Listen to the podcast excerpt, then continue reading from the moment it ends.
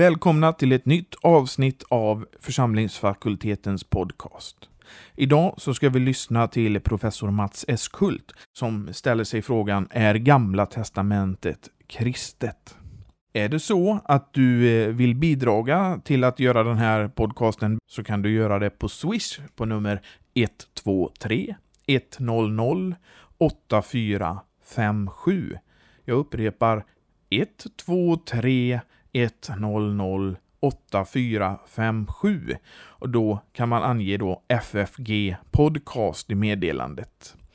Vill du bidraga på något annat sätt så kan man gå in på vår hemsida på www.ffg.se. Men nu Mats Eskult. God lyssning. Ja, ämnet är Är Gamla Testamentet kristet? Och eh, vi läser gammaltestamentlig text i kyrkan varje söndag och, och eh, vi kanske inte alltid reflekterar så mycket, men hur är det egentligen? Och, eh, och därför så tänkte jag att jag skulle försöka borra lite i detta och få se var, var vi hamnar. Först är det något om synen på Gamla Testamentet. Gamla Testamentet kan aldrig bli kristet. Med det citatet från orientalisten H.S. Nyberg i en artikel 1939 inleds en bok om kristna tolkningar av Gamla Testamentet. Resultatet av en konferens med Lundateologen 1996. Det här citatet belyser en grundförutsättning för arbetet med Bibel 2000. Nämligen att Gamla Testamentet endast kan förstås utifrån sin samtida främre orientaliska bakgrund. Den kristna tron däremot måste betraktas som något till sitt väsen helt nytt. Den har förvisso sina rötter i skrifterna från det gamla Israel men kan inte motiveras utifrån det ursprungliga budskapet i dessa.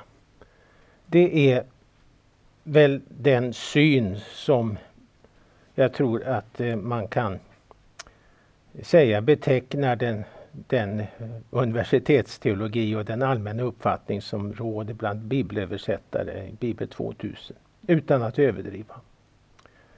Och det här har ju med den historiskt kritiska bibelforskningen att skaffa. Den bibliska uppenbarelsen tros alltså inte ha förmedlats genom någon direkt, något direkt gudomligt ingripande utan är avhängigt av den allmänna religions och idéhistorien. Vilken därtill tänks befinna sig i en ständig utveckling mot högre nivåer.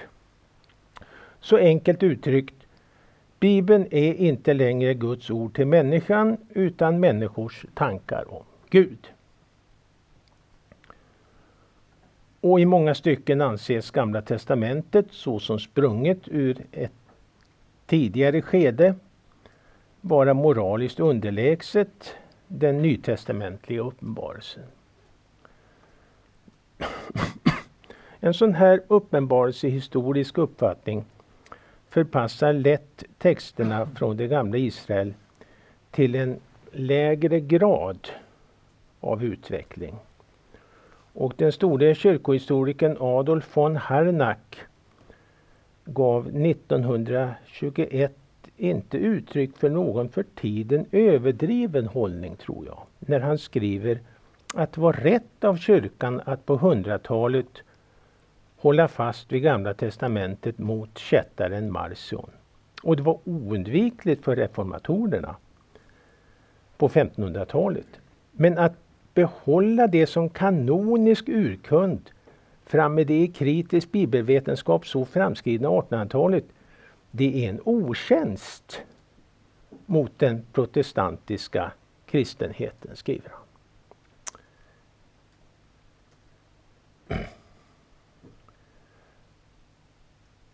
Och den här avogheten mot Gamla Testamentet den fick ju genom nationalsocialismen och dess propaganda ödesdigra konsekvenser. För där var det ju själva det judiska ursprunget som var skäl nog för att nedvärdera eh, Gamla testamentet och utesluta det från kyrkans förkunnelse. Och det gjorde att insiktsfulla Tolkare var tvungna att ta tag i frågan om Gamla testamentets betydelse för kristen tro. Och i en småskrift som kom 1945, Bibelns enhet, så fastslår samme H.S. Nyberg att intresset för texterna från det gamla Israel svalnat i takt med att den historiskt kritiska forskningen hade analyserat dem sönder och samman. För rent historiskt, vad har litteraturen från ett forntida litet orientaliskt rike för samband med den kristna tron? Icke desto mindre måste svaret bli, säger Nyberg, Kristus och dessa skrifter är oskiljaktiga. Så det är en dubbelhet här. Och de bibelvetare som på 40-talet ställde sig bakom övertygelsen om Bibelns enhet, de omfattade likväl ett vetenskapsideal som säger att texterna från det gamla Israel i sin ursprungliga mening inte alls kan anses förebåda Jesus från Nasaret. Och då uppstår ju frågan, har de här texterna alls någon ursprunglig avsikt? Om, den, om de har det, hur ska vi finna den? För det är ju inte någon slumpvis tillkommen textsamling. Och då kommer nästa rubrik Löfte och uppfyllelse. För Nya testamentet utesluter ju tanken på att skrifterna från det gamla Israel endast kan tolkas utifrån en främre orientalisk bakgrund och att kristendomen står för något helt nytt utan samband. Och det gjorde att efter kriget då så kom bibelforskare allt mer att betona hur viktigt Gamla testamentet är för förståelsen av Nya testamentet. Men på något sätt utan att släppa kravet på att inte gå bortom den, det tidshistoriska sammanhanget. För Gud handlar i, i historien, tänkte man. Och då kan de gammaltestamentliga texterna också i någon mening förebåda ett skeende som sträcker sig bortom det gamla Israel. och det här sågs under temat löfte och uppfyllelse. Och det var inte något som så mycket stod att finna i texterna själva och deras skiftande innehåll utan i hela den frälsningshistoria som eh, de förmedlar och som fått sin uppfyllelse i Kristus. Skapelsen har fått sin fullbordan när herraväldet överlämnas åt Människosonen i Daniel 7. Och det var då i djupaste bemärkelse Gamla testamentets A och O. Och då invänder ju andra mera krasst att, att frälsningshistoria det ligger ut utanför ett inomvärldsligt vetenskapsbegrepp. Och det hör till trons värld bortom det vetenskapliga samtalet. Så de hade inte medhåll från alla sidor, eh, dessa väl mycket upphöjda forskare som, som drev tanken. Och i Norden där kom man att intressera sig för religionsfenomenologi, alltså något som är typiskt för gudstron inom ett visst område. Och här var det då betoningen av Kristus som kung som hölls fram. Och att det går tillbaka tack, på en orientalisk uppfattning om kungen som den som i sitt ämbete företräder eh, Gud gentemot folket och folket gentemot Gud. Och alltså i viss mening är gudomlig. Så kungen var Israels gudomlige morde och förebildade samtidigt den gudomlige morde som skulle komma. Den messianske kungen och i synnerhet hans lidande kunde på så sätt ses som en den teologiska mittpunkten i Gamla Förbundets skrifter och Nya Testamentets författare tolkade då bara dessa skrifter enligt den ursprungliga tankegången. Ja, det här drevs i, i Uppsala och har fått namnet Uppsalaskolan. Eh, ja, det är en mycket from och fin tanke bakom men, men den drevs då utav forskare som, som inte alls trodde att Bibeln är Guds ord i, i fullt ut. Nu tycker jag mig märka att intresset för att se de här likheterna mellan Gamla och Nya Testamentets tankevärld är ganska begränsat. Man tänker sig en Jesusrörelse som började på Galileens landsbygd och det var radikala slagord som saliga de fattiga, älska era fienden och, och sånt som man kan hitta i apokryfa evangelier.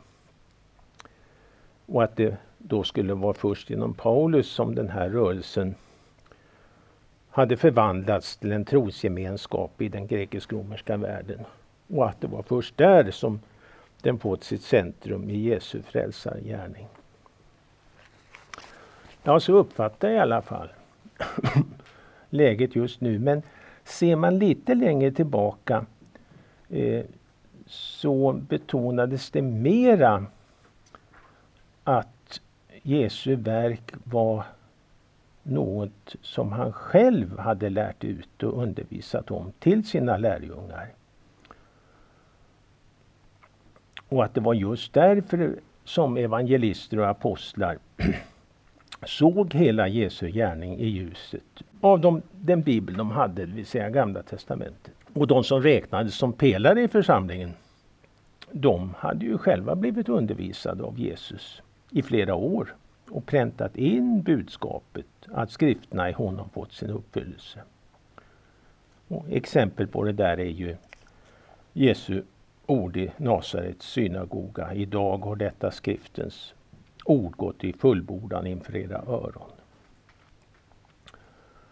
Och på det sättet förklarar han att jubelåret har kommit, det messianska jubelåret. Så går vi till Nya Testamentet självt så utesluter den tanken på att Gamla Testamentet skulle vara ofullkomligt och sprunget ur ett tidigare skede i uppenbarelsens historia. Eh, samtidigt så kan väldigt många från olika så att säga grupper och schatteringar eh, tänka kring löfte och uppfyllelse och, och, och, göra det bra också. Men frågan är om de med det egentligen menar att Gamla Testamentet är kristet och då kom vi in på den typologiska tolkningen. Eh, allt som rörde Jesus från Nasaret var för Nya testamentets författare nedlagt i skrifterna. Det som Luther säger vad är egentligen Nya testamentet, vad är egentligen Nya testamentet annat än en offentlig predikan och förkunnelse om Kristus förebildad i Gamla testamentet? Förebildad, säger Luther. Men hur ska då den här förebilden förstås? Och hur förhåller den sig till ordalydelsen? Och eh, förebild, det är översättningen utav det här ordet typologi. Eh, en slags eh, vi talar ju om en prototyp när vi, något ska lanseras, ett bilmärke eller så.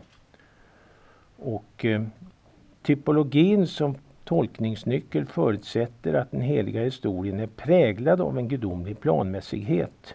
Så att personer och händelser i det förgångna förebildar framtida personer och händelser. Dock utan krav på någon fullständig överensstämmelse.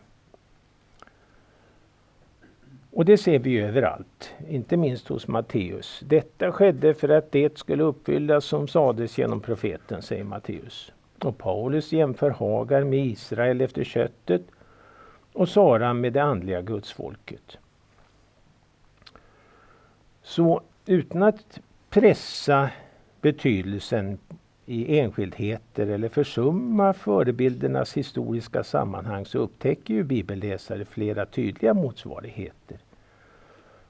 Adam svarar mot Kristus, Noas räddning förebildar dopet, vi har ett bibelord på det. Påskalammets blod svarar mot Jesu blod, vattnet i klippan förebildar klippan Kristus. Måltiden är förbundet vid sina ingås, det förebildar Nya testamentets instiftelse, Nya förbundets instiftelse. Och kopparormen förebildar Kristi korsfästelse och tabernaklet Jesu människoblivande. Sen har vi förbindelsetrådar som är på något sätt lite större struktur. Och där har vi kungadömet, profetskapet och prästämbetet. Och kyrkan talar ju traditionellt om Kristi tre ämbeten. Kristus har konungslig makt i skapelsen, kyrkan och det eviga gudsriket.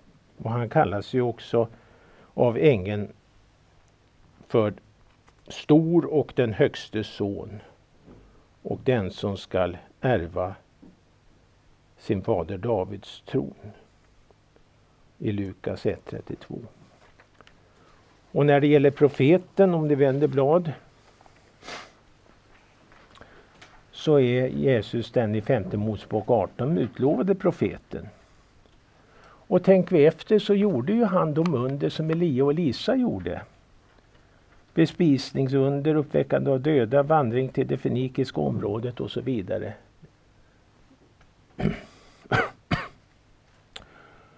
Och Jesus är också på en gång både överste präst och offerlamm. Och det där är ju någonting som Hebreerbrevet undervisar noggrant om. Så i den typologiska förståelsen ser vi hur Nya testamentets författare ser Messias och hans försoningsverk som Gamla testamentets mittpunkt och fullbordat i Jesus Kristus. Och samtidigt så gör den rabbinska judendomen anspråk på de gamla testamentliga texterna som grund för sin tro. Och då blir det ju en spänning om tolkningsföreträdet. Och nästa rubrik heter En urkund, två trosuppfattningar i antiken. Vi ska komma ihåg att på Jesu och apostlarnas tid så hade den rabbinska judendomen ännu inte fått sin slutliga form. Den judiska litteraturen från den här tiden visar att mycket tankekraft ägnades åt urhistorien, avfallet i änglavärlden, Henok och patriarkerna och känslan av att leva i den yttersta tiden då Gud skulle gripa in och ge plats åt en ny tidsålder, den var snart sagt allmän. Så på vilket sätt skilde den unga kyrkan ut sig då från andra grupper i Israel? Och här läste jag en intressant uppsats utav Jakob Neusner. Han diskuterar där vad de tre större grupperna inom judendomen vid den här tiden, esséer, kristna och fariséer, tänkte kring templets fall. Esséerna, det är ju de vi har nere i Qumran. För dem, säger han, hade templet redan fallit när makabéernas segerrike ledare Jonatan år 152 ska det vara, bröt med den givna ordningen och gjorde sig själv till både kung och överstepräst. De kristna trodde på den korsfäste uppståndne Messias, Jesus. Som överstepräst hade han burit fram ett felfritt offer i den himmelska helgedomen. Och i honom hade de del och utgjorde på det sättet ett Guds tempel. Förstår ni inte att ni är Guds tempel, säger Paulus. Och den tredje gruppen då, fariseerna. de axlade efter templets fall uppgiften att förmedla kunskap om Gud åt folket. För prästerskapet var ju borta då. Och för dem gällde det att helt inrikta sig på lagen och dess uppfyllelse. Hela Israel måste fostras till att leva ett heligt liv i trohet mot den gudomliga undervisning, skriftlig såväl som muntlig. Och på så sätt bereda väg för den messianska tiden. Det är ju grundläggande.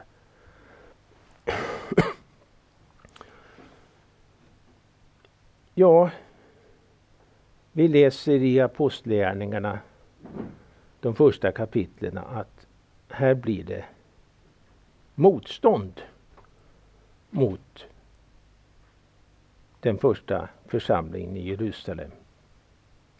Först att ingripa, det var ju Saduséerna som hade hand om templet och ansvarade för det. Eh, och då höll sig fariseerna någorlunda avvaktande. Men sen händer det saker och då kommer vi fram till sjunde kapitlet. Judar från diasporan piskar upp stämningen mot Stefanus. Och eh, det leder då till att Stefanus mördas och det blir en allmän förföljelse mot församlingen.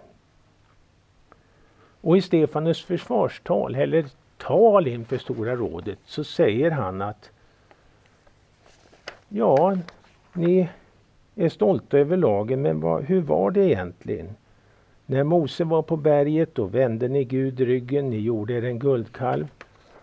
Gud vände er ryggen och ni har alltid varit mera intresserade utav att tillbe solen och månen och stjärnorna. Ni fick lagen genom änglars förmedling men ni höll aldrig lagen. Det, det är vad, Stefanus säger. Eh, och på det sättet fortsatte det och kyrka och synagoga gick skilda vägar. Och då kan man ju fråga vad hände egentligen här? Var det så att kyrkan i någon slags kulturell rotlöshet vände sig mot den grekisk-romerska världen och, och sidosatte de judekristna och, och förföll till en otillständig polemik mot judendomen? Ja, de här frågorna är inte oberättigade om man bläddrar i, i häften och litteratur idag. Eh, jag tror att eh, den här bilden behöver nyanseras väldigt. För grekisk kultur fanns sedan århundraden i Palestina på Jesu tid. Så det går inte att se någon kraftig gräns mellan en semitisk arameisk kultursfär och en hellenistisk grekisk. Och Eusebius som dog 339, den stora och första kyrkohistorikern, han säger bestämt att den kristna tron inte är ny. Kristus var verksam redan i Gamla testamentet och de troende då och de kristna nu är samma folk med samma gudsfruktan. Och sambandet mellan de troende i de båda förbunden är obruten, säger Eusebius. Han betonar detta. Så vad är det för band som bryts? Ja, det är med dem då som inte tog emot förkunnelsen att löftet var uppfyllt. Löftena var uppfyllda. Och det var tyvärr merparten. Eh, man får ibland höra att Jakob och församlingen i Jerusalem de hade en annan syn, grundsyn på, på, på eh, förkunnelsen och det är sant. Det, det står om det i Apostlagärningarna men det reddes ut med apostlamötet i kapitel 15. Och efter det så finns det ingenting som säger att det var en bestående motsättning. Och Paulus var ju mycket noggrann med att samla in pengar till, till församlingen i Jerusalem. Två kapitel i Andra Korinthierbrevet handlar om den saken.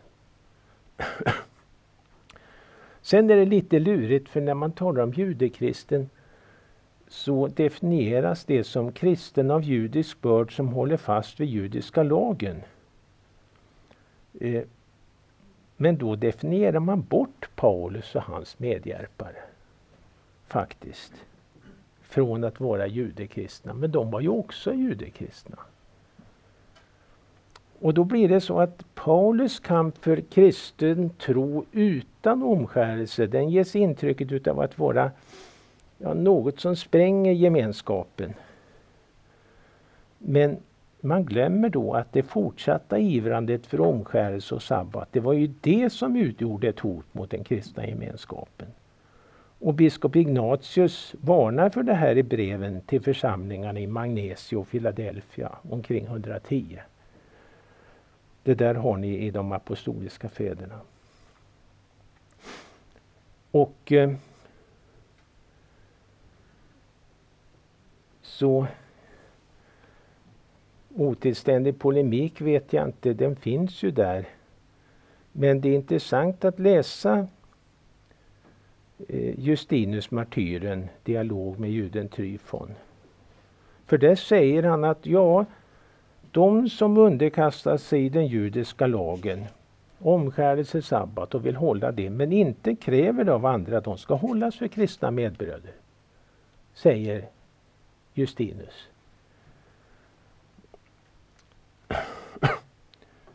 Eh, men de här judekristna de var ju illa sedda bland sina landsmän. Eh, det infördes en bön riktad mot dem i synagogan. Och, och eh, vi vet ganska lite om de här grupperna. En grupp kallas ebioniter. Men de trodde inte på Kristus som Gud så de ställdes utanför då den grundläggande uppfattningen i den kristna tron. En annan grupp, eh, nasarer, Eh, anses av forskare ha varit ortodoxa i det avseendet i alla fall. Eh, men det där är eh, inte så lätt att reda ut på grundval utav de källor som finns. Ja, polemiken. Ni vet att judendomen var ju stark vid den här tiden. Man orkade med ett uppror mot Rom 70, 60, 60, 70. Man orkade med ett nytt uppror 132 till 135. Där den romerska armén måste sätta in sina bästa trupper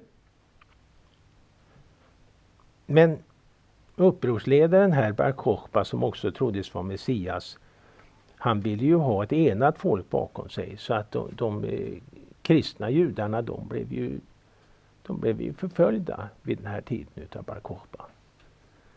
Och det påminner eh, Justinus om.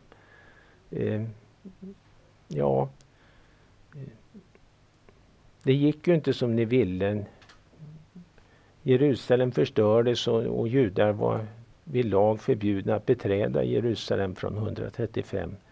Men det intressanta är att i den rabbinska motsvaret på detta så säger man nej, vi är övertygade om att Gud aldrig har övergett Israel. Och templets fall och förvisning från Judeen får inte uppfattas på det sättet. För lika lite som lagen kan upphävas så kan Gud ändra sitt förbund. Det var den rabbinska sidans svar. Eh, sen var det flera bland de apostoliska fäderna som hade en fick en märklig uppfattning om Gamla testamentet. Eh, man eh, Eh, insåg inte att offertjänsten var en nådesinrättning i sin egen rätt. Utan man försökte kristna Gamla testamentet på bekostnad av den verkliga historien. Man hävdade till exempel att omskärelsen och tempeltjänsten det var bara eh, missuppfattningar av den ursprungliga avsikten. Eh, och att eh, den här saken med guldkalven gjorde att det egentligen aldrig hade funnits något förbund. Eh, men eh, det här finns inte hos Justinus faktiskt. Eh, han ifrågasätter inte förbundet och ceremoniallagens giltighet fram till Kristus. Men vad han inskärper det är att de som tagit emot Guds Messias Kristus, de utgör det nya andliga Israel. Men det rör sig om ett andligt arvegods. Man talar inte i yttre fysisk bemärkelse. Det är andligt. Så vad det ytterst handlar om det är förståelsen utav Gamla Testamentet. Eh, sen kom ju kyrkan från 400-talet att anlägga en allegorisk tolkning utav texterna. Och därmed så, så var ju historien inte verklig längre. Va? Den var ju bara bildlig. Eh, orden pekar hän mot en andlig verklighet bortom sig själva. Men när Luther sätter sig och lär sig hebreiska för att gå i närkamp med texterna, då vill ju han inte ha allegorier, utan för honom är den, den verkliga historien, den får inte skjutas i bakgrunden och bli oväsentlig. Han ville tolka efter vad bokstäverna säger. Med allt vad det kräver av kunskap i hebreiska. Och på den punkten hade ju Luther och de judiska utläggarna som var talrika vid den här tiden, var ju de som kunde hebreiska. De hade samma uppfattning. Men då kommer man ju till frågan. Är den bokstavliga innebörden lika med den tidshistoriska? Och här stod Luther inför ett problem. För vore den bokstavliga innebörden lika med den tidshistoriska då skulle ju Gamla testamentet inte handla om Jesus Kristus. Men att läsa de här texterna som om de handlade bara om ett semitiskt folk i forntida Främre Orienten eh, det vore ju att missa hela syftet. Det av anden givna syftet. Så Luthers lösning det är att varken tolka allegoriskt eller tidshistoriskt. Så han uppfattar inte den bokstavliga innebörden som lika med den tidshistoriska. För det är ju Kristus som talar i de här bokstäverna. Så när han såg Kristus i texterna så var det ingen andlig tolkning som egentligen, om någonting som egentligen handlade om någon annan. Och här har jag ett citat ifrån Sven Ingebrand. Utgångspunkten för Luther är att Bibeln är Guds ord till människorna. Genom detta vill Gud nå människorna och komma till tals med dem. Som en Guds uppenbarelseord skall hela Bibeln förstås.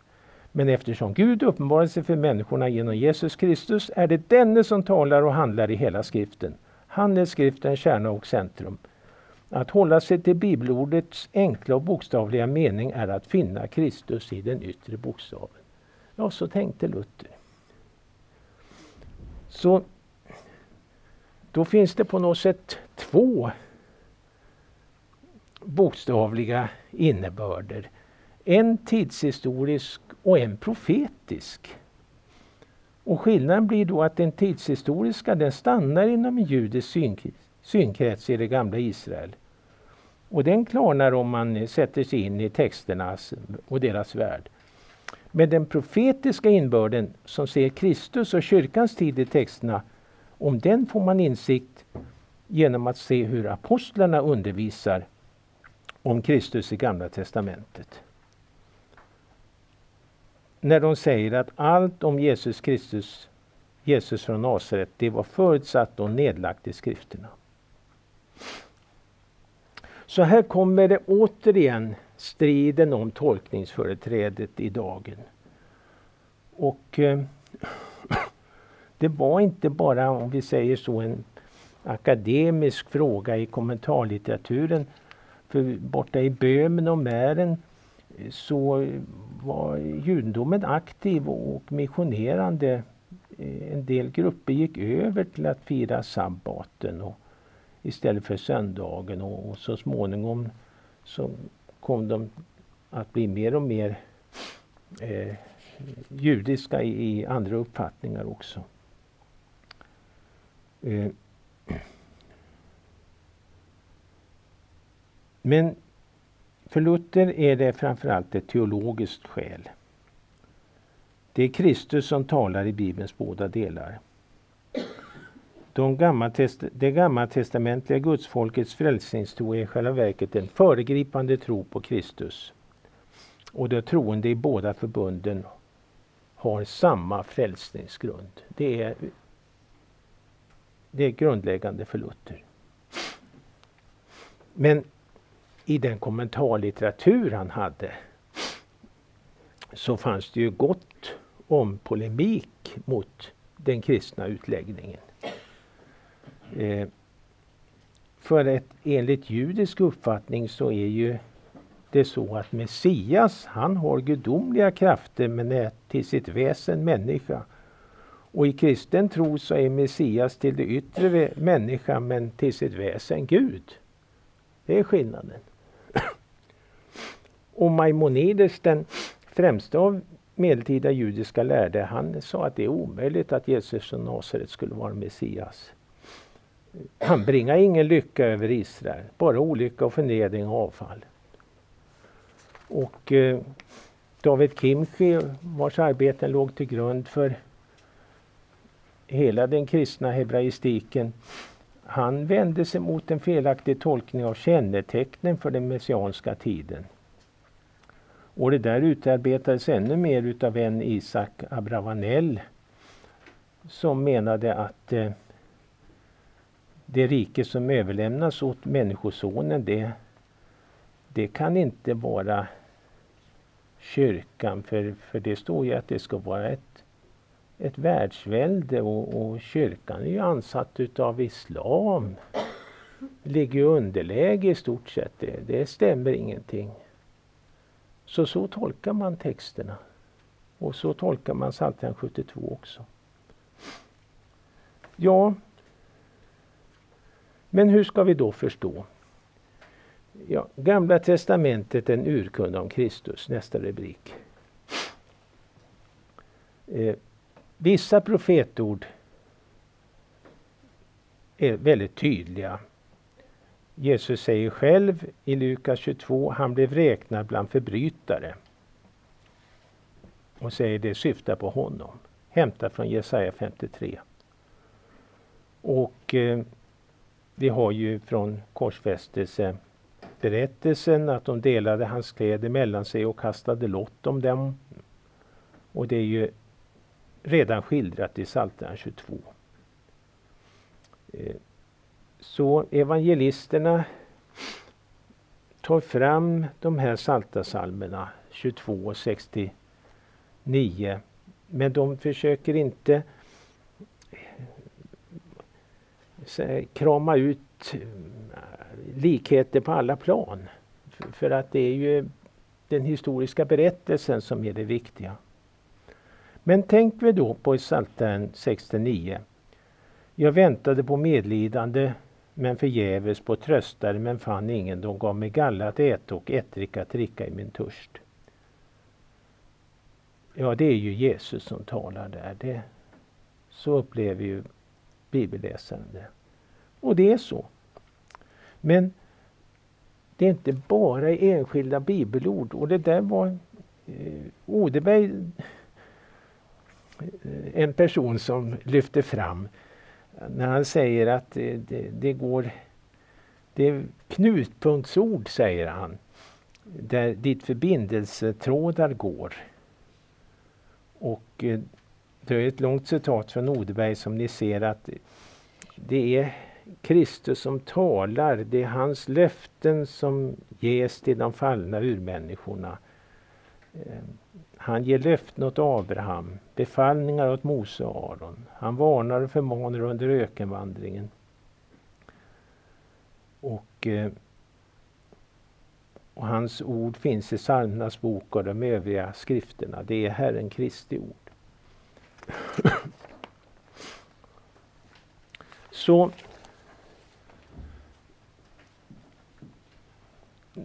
om vi vänder blad, någon tanke på ja, fortskridande uppenbarelse har jag skrivit men det kanske inte är så bra ord.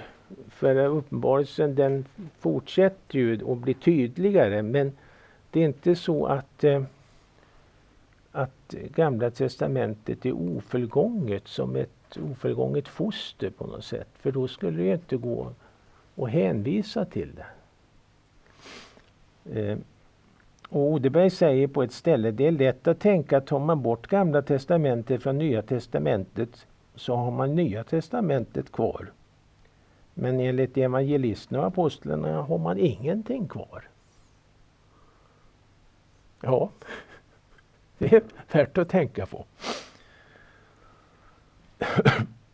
Och där tycker jag att ni ska titta, om ni inte har läst Jakob Appells skrift Kristus före Jesus. Eh,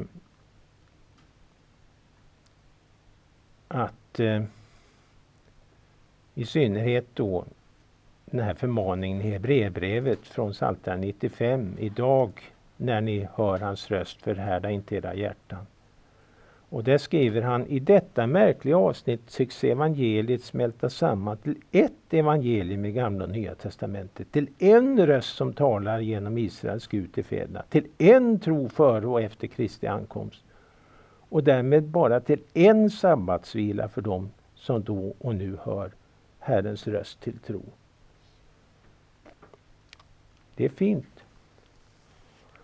Så vi tänker lätt så här att det var ju illa att de bar sig så dumt åt i öknen och, och så ska vi här och nu ta vara utav, på salmens ord och ta varning utav det som hände där och då. Men i Hebreerbrevet är det en förskjutning. Det är vi som lyssnar där ute i öknen. Det är vi som är skaran vid templet. Vi rycks in i historien. Vi är där. Så den sista rubriken är då Gamla Testamentet, kristet. Ja, en sak där det är missuppfattning. Bokstaven döda men anden gör levande. Ur andra Korinthierbrevet. Då tänker man, ja men det är ju gamla och nya testamentet. Men nej, säger Luther. Det är lag och evangelium. För evangelium finns i Gamla Testamentet också. Det är visserligen mycket lagar där som bara gällde judafolket. Men så är de härliga löftena som berättar om Messias, den kommande. Löften om Davids fallna hydda som ska upprättas och våra synder kastas i havets djup i Mika. Så hur ska vi ställa oss då? Ja, jag, vi måste intressera oss för Gamla Testamentet. Och eh, på något sätt så finns det även fromma bibelläsare. Har något, ja, det är svårt, det är krångligt, man kan komma fel, det är bäst att inte läsa. Eh, men man ska ta till sig Gamla Testamentets omvärld och kunna titta in i Gamla Testamentet. Och se, ja men det stämmer allting. Det, det passar ju i kulturen och världen. Så det är viktigt att ta till sig kunskap om Bibelns omvärld på det sättet. För hur ska vi annars kunna förstå oss som förmanade där ute i öknen och stående på tempelgården? Sen finns det också en utbredd uppfattning och det är att den judiska förståelsen av Gamla Testamentet skulle vara ursprungligare än den kristna. Men då glömmer man att judisk tro på Jesu tid rymde mycket, mycket mer än det som blev rabbinsk normativ judendom. Nya testamentets sätt att tolka texterna har likheter med det som förekom i Qumran. Så den första kristna församlingen i Jerusalem var egentligen ingen främmande fågel. i det judiska samhället. Det var först efter 70 då med templets fall som den fariseiska rabbinska uppfattningen blev rättesnöre för judisk tro. Men då var den kristna tron redan nedtecknad va? i Nya testamentets skrifter. Och den här exegetiska regeln att inget ställe får tolkas utöver sin ursprungliga innebörd. Det är också lite knepigt för att enligt judisk uppfattning så är visserligen Bibeln av gudomligt ursprung men ställd i världen är en i en slags exil och ropar på tolkning. Tankegången i Talmud är att budordet inte längre finns i himmelen. 5 Mosebok 30.12. Just därför att det en gång för alla har getts åt Israel. Gud har lämnat sin lära ifrån sig, avstått från att göra tillägg, ja ytterst från att bestämma dess tolkning. Det har överlåtits åt rabbinerna. Och även om den här tolkningen då rabbinska med väldigt mycket associationer så tänker man sig, ja, det är i princip ändå det som redan finns i texterna. Så, lärjungarna på väg till Emmaus, de hade inte förstått någonting utav det som skett med Jesus från Nasaret. Och Jesus säger till dem, hur oförståndig är ni inte och tröghjärtade till att tro på allt som profeten har talat? Måste inte Messias lida detta och så gå in i sin härlighet? Och så började han gå igenom Moses och alla profeterna och uttydde för dem vad som i alla skrifterna var sagt om honom. Och vi kan läsa om Paulus i Apostlagärningarna 17 som i Thessalonika tog sin utgångspunkt i skrifterna och utlade om utlade dessa och bevisade att Messias måste lida och uppstå från de döda. Och han sa, och Messias det är just denne Jesus som jag förkunnar för er. Och några kom till tro, andra hetsade upp folket och stans styresmän så att Paulus och Silas måste skyndsamt ge sig av, av till Berea. Och där i Berea så var åhörarna lite ädlare i sinnelaget och, och det heter om dem att de tog emot ordet mycket välvilligt och forskade dagligen i skrifterna för att se om allt stämde. De forskade, de rannsakade skrifterna och det ska vi också göra. Så svaret på frågan, är Gamla Testamentet kristet? Ja, jag tror att vi ska ställa den frågan till Emmaus-lärjungarna. För när Jesus igenkänd vid, mål, vid måltiden försvunnit ur deras åsyn så sa de till varandra Var inte våra hjärtan brinnande i oss när han talade med oss på vägen och öppnade skrifterna för oss. Tack. Det var Mats Eskult som föreläste om Är Gamla Testamentet kristet? Och eh, Mats kommer att undervisa i bibelhebreiska på församlingsfakulteten i höst.